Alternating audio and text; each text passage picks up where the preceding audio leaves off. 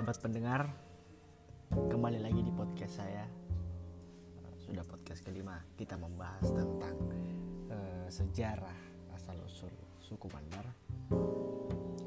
Uh, mungkin di episode kelima kali ini agak, agak berbeda sedikit karena saya akan membahas sedikit tentang kerajaan uh, di daerah saya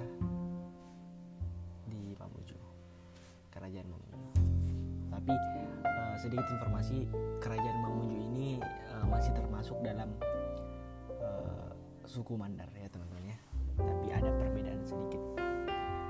Tapi tetap termasuk dalam kerajaan suku Mandar. Oke? Baik. Sejarah kerajaan Mamuju. Kerajaan Mamuju tidak dibentuk pada tahun 1540 oleh Tumannurung, tetapi hasil penggabungan dari dua kerajaan yaitu kerajaan Kurri-Kurri dan kerajaan Langgamunar. Jadi kerajaan Mamuju ini uh, terbentuk atas penggabungan dua kerajaan yang berbeda, antara kerajaan Kurri-Kurri dan kerajaan Langgamunar. Kerajaan Mamuju tergabung dalam wilayah persekutuan Pitu Babana Binanga uh, yang sudah saya bahas di episode kemarin uh, sedikit pengingat untuk sahabat pendengar uh, Pitu Babana ini adalah tujuh kerajaan yang bermukim di daerah pesisir laut sedangkan daerah eh sedangkan maksud saya Pitu Lunasalu adalah tujuh kerajaan yang bermukim di daerah gunung oke okay?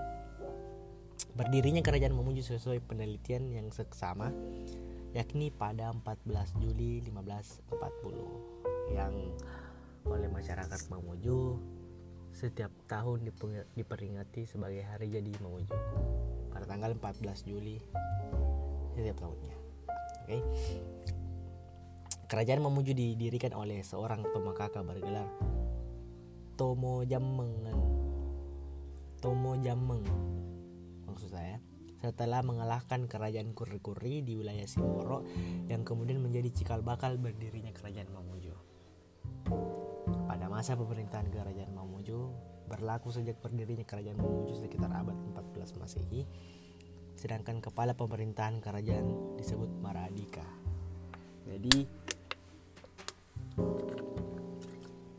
jadi sahabat pendengar, Mamuju sendiri ini masih uh, kental ya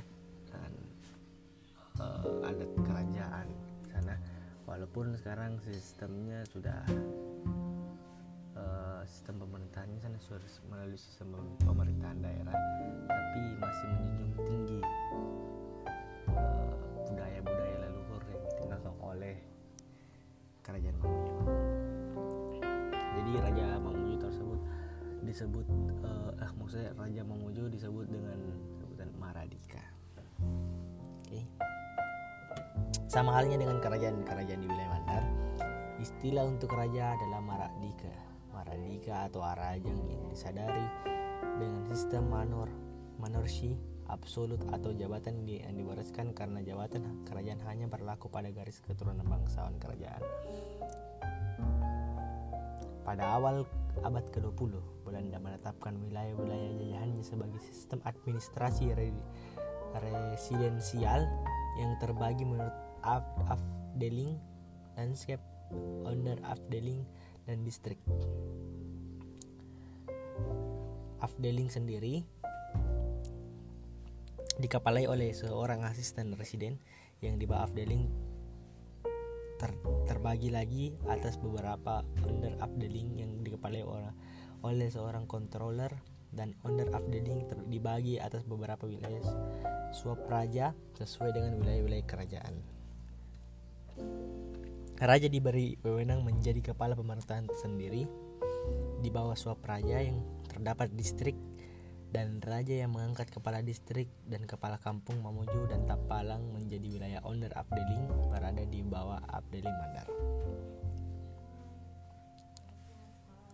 Ritual adat Masosor Manurung, pencucian pusaka.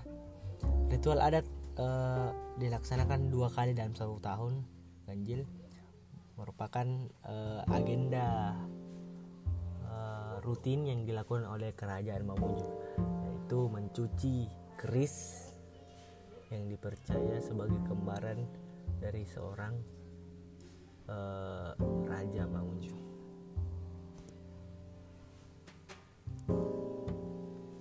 Oke. Struktur pemerintahan Mamuju. Kerajaan Mamuju sebagaimana halnya di kerajaan lain berlaku sistem pemerintahan monarki. Tetapi bukan monarki absolut karena raja diganti asal usul asat atas usul lembaga adat namun menjadi kepala negara adalah raja.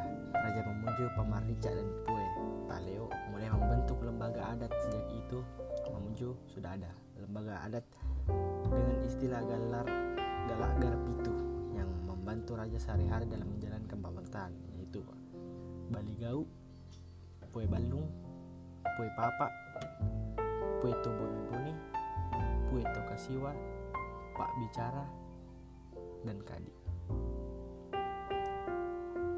Oke, kawan-kawan, uh, sekian dulu dari podcast saya membahas tentang kerajaan Mamuju. Uh, sampai ketemu di episode selanjutnya. Ciao.